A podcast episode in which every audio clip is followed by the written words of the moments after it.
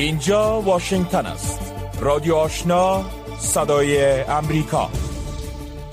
شنونده های محترم سلام. وقت شما بخیر. آواز ما را از امواج رادیو آشنا صدای امریکا میشنوین رویا زمانی هستم. با تقدیم برنامه خبری این ساعت از امواج رادیو آشنا صدای امریکا. نخست از همه مشروع خبرها را از همکارم قدیر مشرف میشنوید. سلام و وقت همه شما بخیر شنونده های عزیز. به دنبال خواستها برای گشایش مکاتب دختران در افغانستان 27 کشور منطقه و جهان در اعلامیه مشترکی از حکومت طالبان درخواست کردند تا تعلیمات ثانوی دختران را اجازه دهند.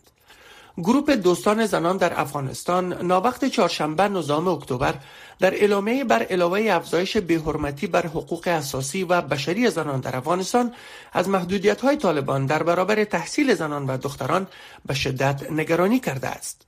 در اعلامیه گروپ آمده است که این گروه از طالبان می خواهد که فورا ممنوعیت تاثیرگذار بر آموزش متوسطه برای دختران در افغانستان را که از یک سال پیش برقرار شده است بردارند. در گروپ دوستان زنان در افغانستان بر علاوه ایالات متحده و بریتانیا، قطر، استرالیا، بنگلادش، بلژیم، کانادا، چاد، فرانسه، آلمان، یونان، هنگری، اندونزیا، آیرلند، ایتالیا، ژاپن، لبنان، لیتوانیا، نروژ، سریلانکا، ترکیه، ترکمنستان، امارات متحده عربی و برخی کشورهای دیگر شاملند. جزئیات را در وبسایت دری و پشتوی سر امریکا خواندن می توانید. بانک جهانی در گزارش تازه خود در خصوص انکشاف وضعیت اقتصادی افغانستان نگاشته است که اقتصاد این کشور به تعقیب حوادث پس از اگست 2021 با یک حالت عادی جدید خود را تطابق می دهد. اتفاقاتی که به گفته بانک جهانی یک رکود اقتصادی قابل توجه و محرومیت گسترده ایجاد کرد. جزئیات بیشتر از رویا زمانی در این گزارش آمده است در حالی که اختلال در سیستم پرداخت و محدودیت های عرضه فعالیت های بخش خصوصی را با مشکل مواجه کرد و در ابتدا بسیاری از مشاغل را مجبور به تعطیلی یا کاهش فعالیت های خود کرد. کاهش شدید مخارج عمومی کاهش درآمد خانواده ها و کاهش مصرف باعث گردید تقاضای مجموعی مردم کاهش بیابد.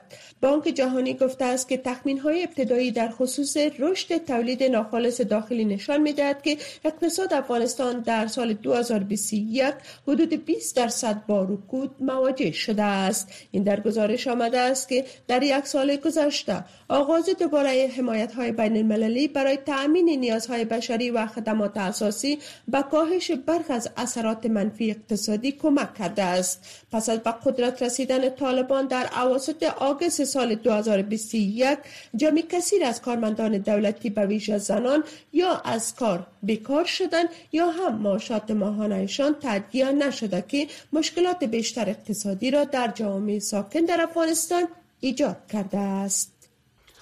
وزارت امور پناهندگان دولت کانادا از انتقال صدها پناهجوی افغان از پاکستان به آن کشور خبر داده است. شان فریزر وزیر امور پناهندگان کانادا روز چهارشنبه 19 اکتبر در صفحه تویتر خود نوشت که 311 پناهجوی افغان و خانواده هایشان صبح دیروز با یک پرواز ویژه وارد کانادا شدند. با گفته آقای فریزر افراد یاد شده شامل اعضای خانواده مترجمان افغان و همچنین کسانی بودند که در طول مأموریت نظامیان کانادایی در افغانستان با آنها همکاری داشتند. بر اساس معلومات اداره امور پناهندگان کانادا با این پناهجویان افغان 21305 پناهجوی افغان پس از اگست سال 2021 میلادی وارد کانادا شدند. ادامه خبرهای افغانستان منتخب جهان را از رادیو آشنا میشنوید. اتحادیه اروپا که رهبری دوره آن را جمهوری چک به عهده دارد امروز پنجشنبه گفت که این اتحادیه روی وضع تعذیرات علیه سه فرد و یک نهاد توافق کردند که های بدون سرنشین ایرانی را به روسیه فراهم می‌کردند. جزئیات بیشتر از احد عزیزاده. ریاست اتحادیه اروپا گفت که پس از سه روز مذاکرات سفرهای این اتحادیه روی اقدامات علیه نهادهای تأمین کننده های بدون سرنشین ایرانی و روسیه که اوکراین را هدف قرار داد توافق کردند. این تعذیرات امروز اجرایی می شود اتحادیه اروپا همچنین آماده است تحریم ها را بر چهار نهاد ایرانی دیگر که قبلا در فهرست تحریم های قبلی قرار داشتند تمدید کند. کرملین از استفاده این تیاره ها توسط اردوی روسیه ابراز بیخبری کرده است. رئیس شورای اروپایی از اقدام این اتحادیه استقبال نموده است. اوکراین روسیه را با استفاده از چهار تیاره بی پیلوت ایرانی به روز دوشنبه برای بمباران کیف متهم کرد و گفت که نیروی دفاعی این کشور 223 تیاره بدون سرنشین ایرانی را از اواسط ماه سپتامبر بدین سو سرنگون کرده است. اوکراین امروز پنجشنبه پس از آن که حملات روسیه به زیربناهای انرژی این کشور در آستانه فرارسیدن زمستان آسیب جدی وارد کرده اقداماتی را برای صرفه‌جویی در مصرف برق ارائه کرد تا برای قطع شدنهای احتمالی برق آماده باشد. مقامات اوکراین پس از آن که های روسی و حملات های بدون سرنشین کم از کم سی درصد از پایگاه های برق اوکراین را در یک هفته تخریب کرد از باشندگان این کشور خواستند تا مصارف برق خود را به شدت محدود کنند. و گفته مقامات انرژی اوکراین تا هنوز قطع عمومی برق به مردم اعلام نشده و شرکت های زیربنایی از این سفارشات مستثنا می باشند. لیسترس صدر بریتانیا امروز پنجشنبه گفت که از سمتش استعفا می دهد. خانم ترس حین صحبت از روبروی دفتر کارش در داون استریت لندن پذیرفت که او با وعده هایی که برای رهبری حزب محافظه کار داده بود نمی‌تواند عمل کند زیرا به گفته خانم ترس باور به ایمان حزبش را از دست داده است. یک انتخابات رهبری حزب محافظه کار بریتانیا هفته آینده جانشین خانم ترس را تعیین خواهد کرد. ترس فقط 6 هفته به سمت صدر بریتانیا ایفای وظیفه کرد که کوتاه مدت ترین زمان صدارت در این کشور شمرده می شود.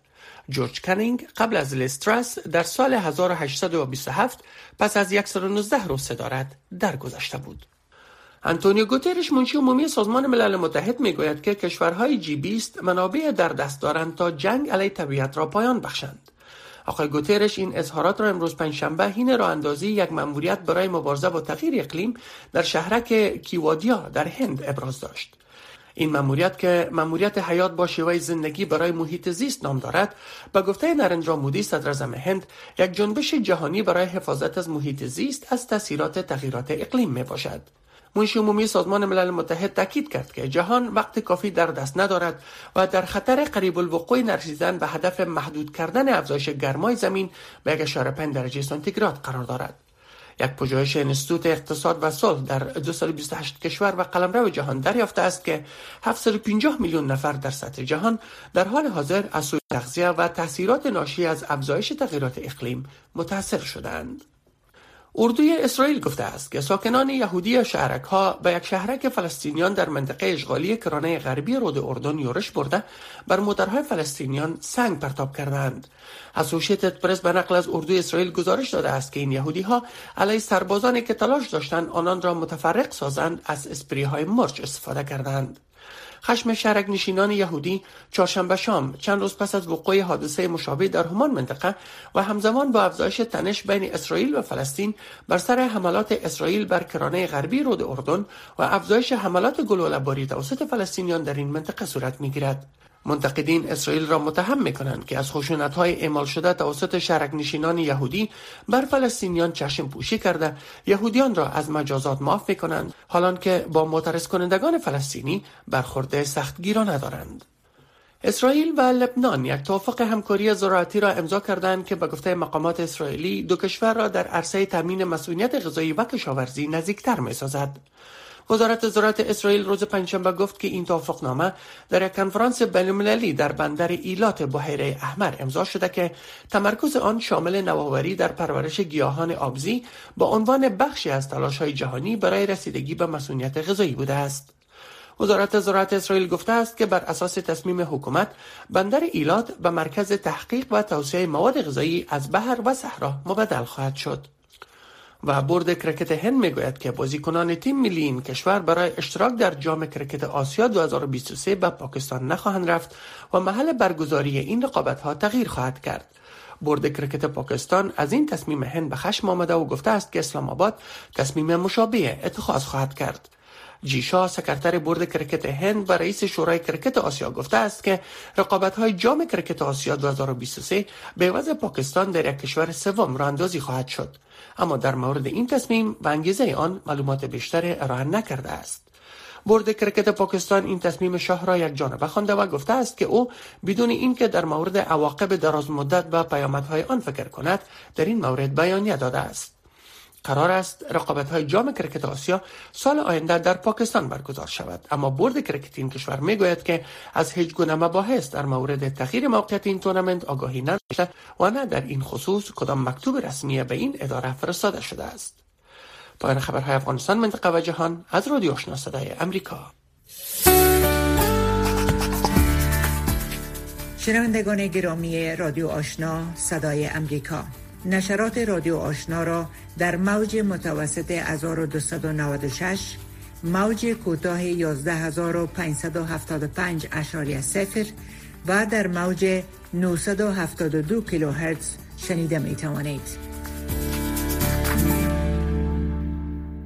شنونده های محترم شما مشروع خبرها را شنیدید و حالا می پردازیم به گزارش های این بخش برنامه در اولین گزارش همزمان با برگزاری نشست شورای امنیت ملل متحد در مورد وضعیت حقوق بشر به ویژه حقوق زنان در افغانستان شماری از مدافعان حقوق زن می‌گویند که توقع می رود در این نشست در مورد حقوق گرفته شده زنان در افغانستان بحث جدی صورت گیرد جزیات بیشتر را در گزارش تقدیم شما می کنیم.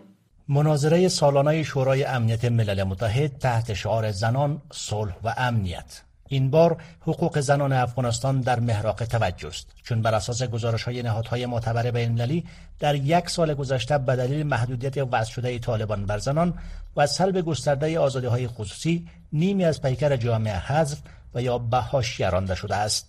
شیبار اوفی فعال حقوق زن معتقد است که این مناظره اقدام نیک و فرصت است تا تمام گزارش ها در مورد نقض حقوق زنان در افغانستان شریک ساخته شود.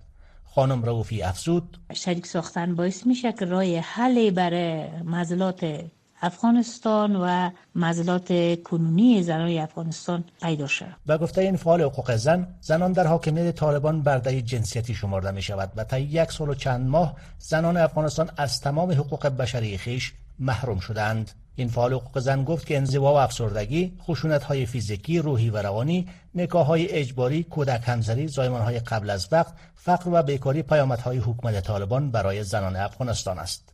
خانم روفی علاوه کرد ما از شورای امنیت خواهان تعهد به های حقوق بشری برای زنان افغانستان هستیم. تا رای حلی به مزلات کنونی زنان افغانستان داشته باشند. و این نشست ها سبب شود تا سرنوشتی از نصف قشر جامعه که زن تشکیل میده به دست بیه. و آرزوی زیر داریم که سازمان حقوق بشری روی حل برای مزلی فیلی مردم افغانستان مخصوصا زنای افغانستان پیدا کنه. این در حال است که طالبان پس از مسلط شدن دوباره بر افغانستان برخلاف تعهدات خود عمل کردند. این گروه در 14 ماه گذشته دروازه های مکاتب متوسطه و لیسه را برای دختران مسدود نگه داشته و زنان را از کار و استثنای شمار معدودی از سکتورها من کردند. رقیه سایی فعال حقوق زن به صدای امریکا گفت که تحصیل کار و آزاد زیستن حقوق اساسی زنان در جریان یک سال حاکمیت طالبان از آنان گرفته شده است. روی این موضوعات باید در این نشست خیلی اینا متمرکز باشن و روشان بحث صورت بگیره که ما باید به حقوق اساسی و انسانی ما که تعلیم و تحصیل هست و کار در کشور خودمان هست ما باید به حقوقمان دست یابیم. خانم سایی افزود که زنان و دختران هنگام دادخواهی برای حقوقشان مورد ضرب و شتم طالبان قرار گرفته تهدید به مرگ شده و حتی مجبور شدند که مکان بود و باششان را تغییر دهند. دیدبان حقوق بشر نیز گزارش داده است از زمانی که طالبان در ماه اگست 2021 قدرت را به دست گرفتند زنان افغان در خط مقدم مقاومت در برابر ظلم آن گروه قرار داشته و برای حقوق برابر عدالت و صلح دادخواهی کردند.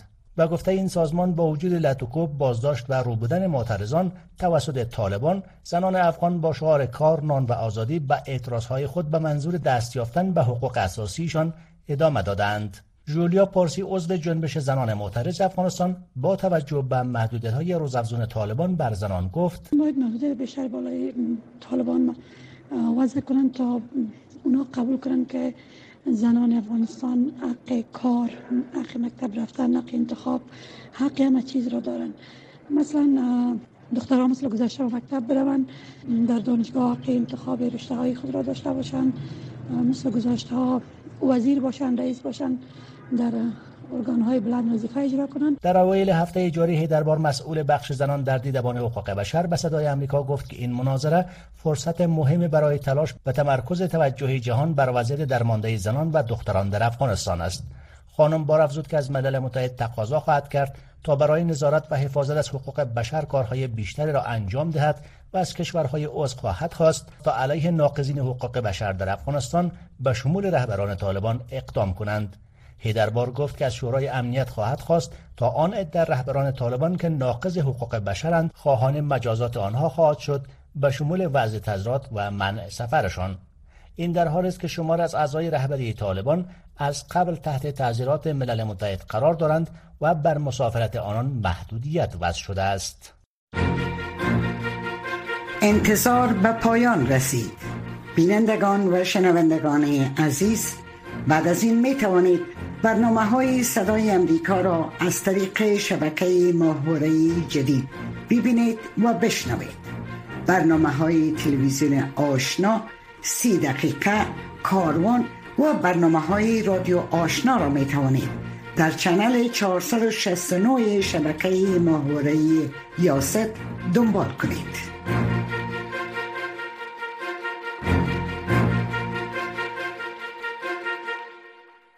دهها کشور منطقه و جهان به شمول امریکا، کانادا، فرانسه، قطر و امارات متحده عربی در یک اعلامیه مشترک از طالبان خواستند که دروازه های مکاتب را برای دختران باز کنند در حالی که تحلیلگران و آموزگاران افغان از این اقدام استقبال می کنند و ابراز امیدواری می کنند که این تلاش ها به باز شدن مکاتب ثانوی در افغانستان منجر شود. در این مورد فوزی احسان با محمد صابر انسان دوست استاد دانشگاه مصاحبه را انجام داده است که این مصاحبه را به سم شما میرسانیم. محترم انسان دوست شما در جریان هستین که تقریبا 27 کشور منطقه و جهان اعلامیه را صادر کردن و از طالبان خواستند که مکتبا را باز کنند به نظر شما این خواست ها چقدر جنبه عملی دارن؟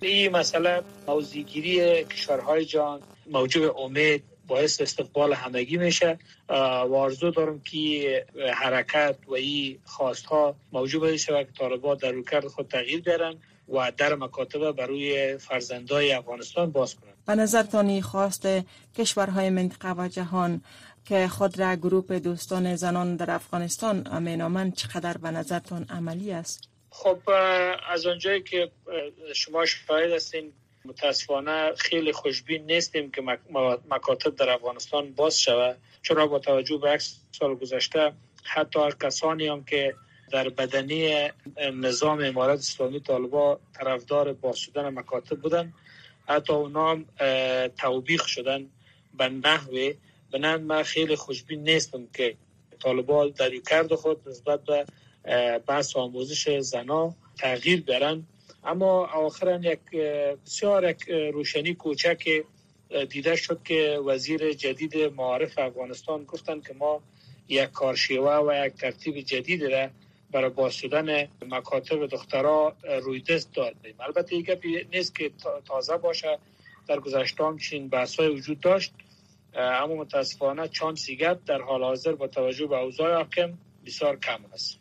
در بین کشورهایی که خواستار بازگشایی مکاتب شدن البته کشورهای قدرتمند مثل کانادا، فرانسه، آلمان، امریکا و بریتانیا هم شامل هستند. این کشورها البته قبلا هم اعلامیه داده بودند و درخواست و تقاضاهای همچنینی را ابراز کرده بودند. به نظر شما این کشورها عملا چی می‌تونن بکنن به خاطر بازگشایی مکاتب در افغانستان؟ خب اولین روش یا اولین ابزاری که در اختیار کشورها است باید در هی زمینه به صورت فیزیکی و مستقیم باید باب مذاکره و صحبت با طالبا آغاز بکنن. هرگاه اگر می‌خوان این مثلا نتیجه بده مکاتب باز شد پیشنهاد مایی است که باید به صورت مستقیم اینا باید با جریان حاکم در افغانستان صحبت بکنن که تا اینا متقاعد شوند. بر از اعلامیه ها در حد یک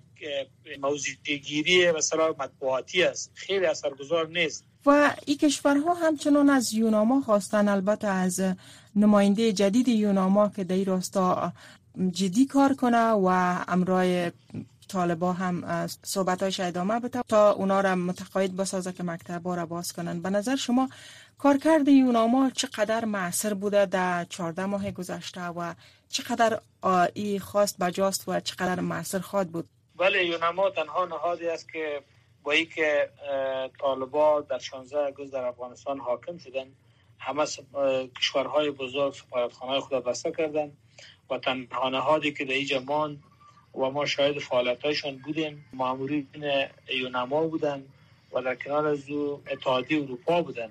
اونا کار و فعالیت کردن و فعالیتشان گزارشایشان موضوعگیری هایشان و کانفرانس هایی که میگره مذاکراتی که صورت میگره دقیقا موجب امید شده در حال حاضر با توجه به محدودیتی که در افغانستان حاکم است نسبت به این مسئله خوشبین هستیم.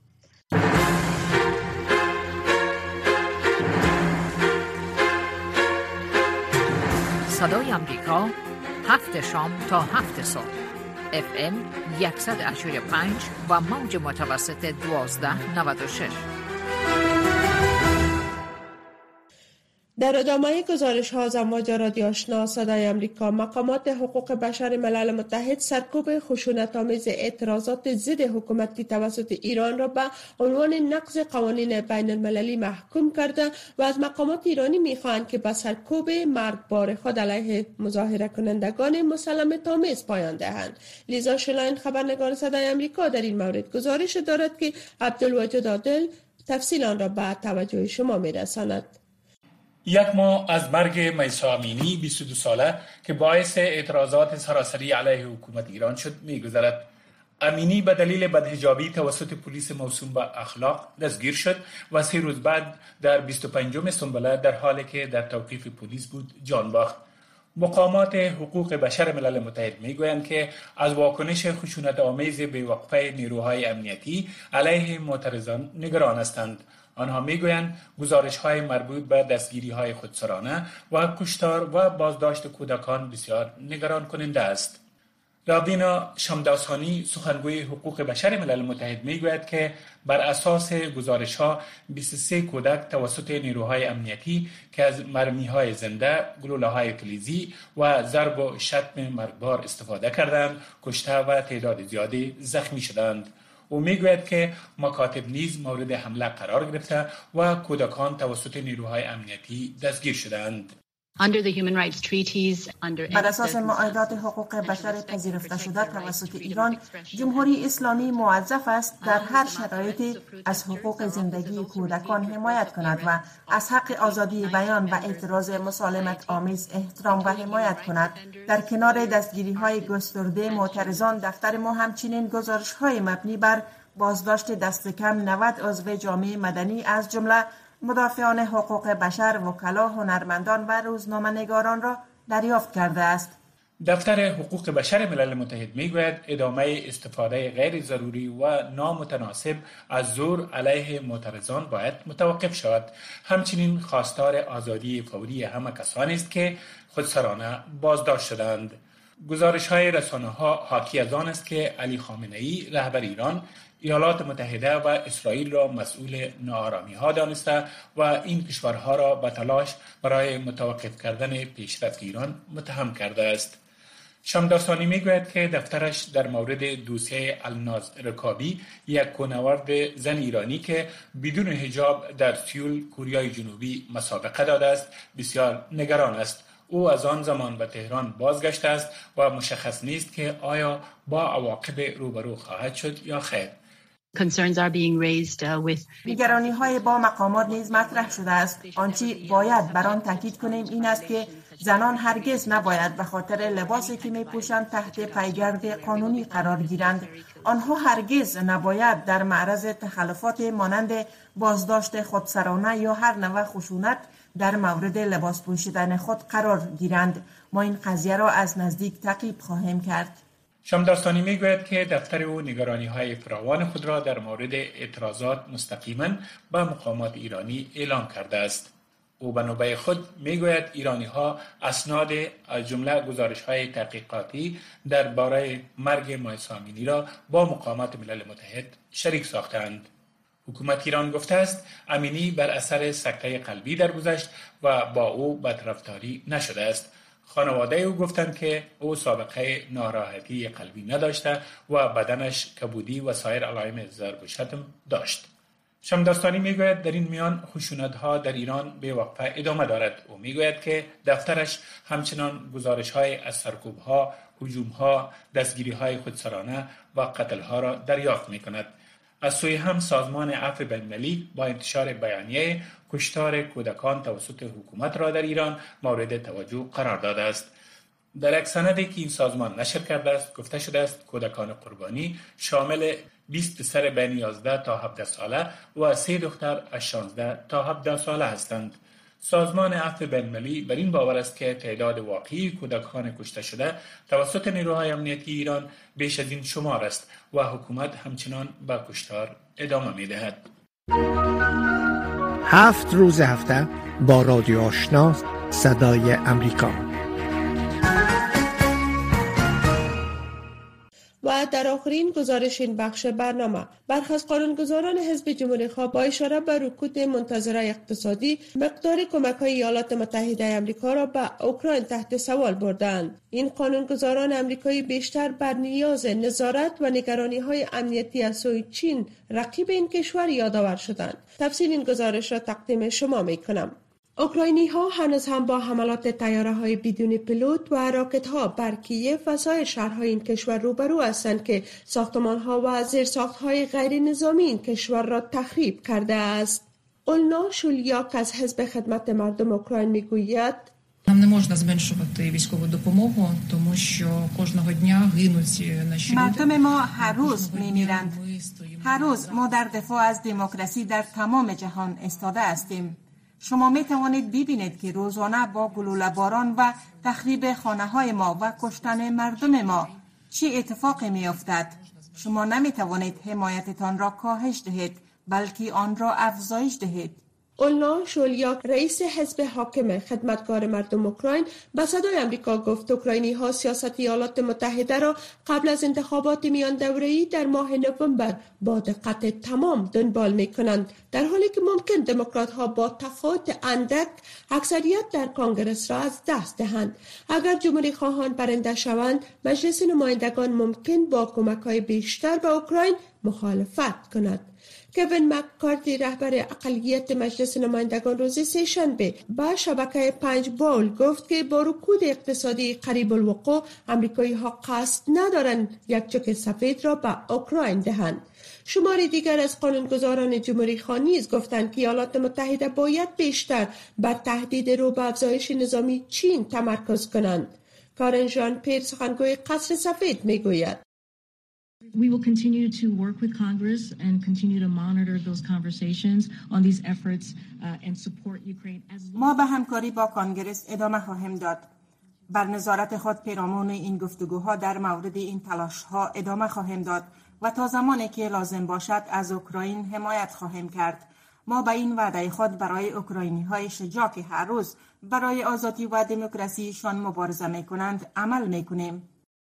در این حال ناظران می‌گویند با افزایش تمایلات انزواجویانه حزب جمهوری خواه برخی نگران هستند که کمک ها به اوکراین به ویژه برای نیازهای بشری و اقتصادی کم گردد. با این حال نگرانی کمتری در مورد کمک های امنیتی ایالات متحده وجود دارد.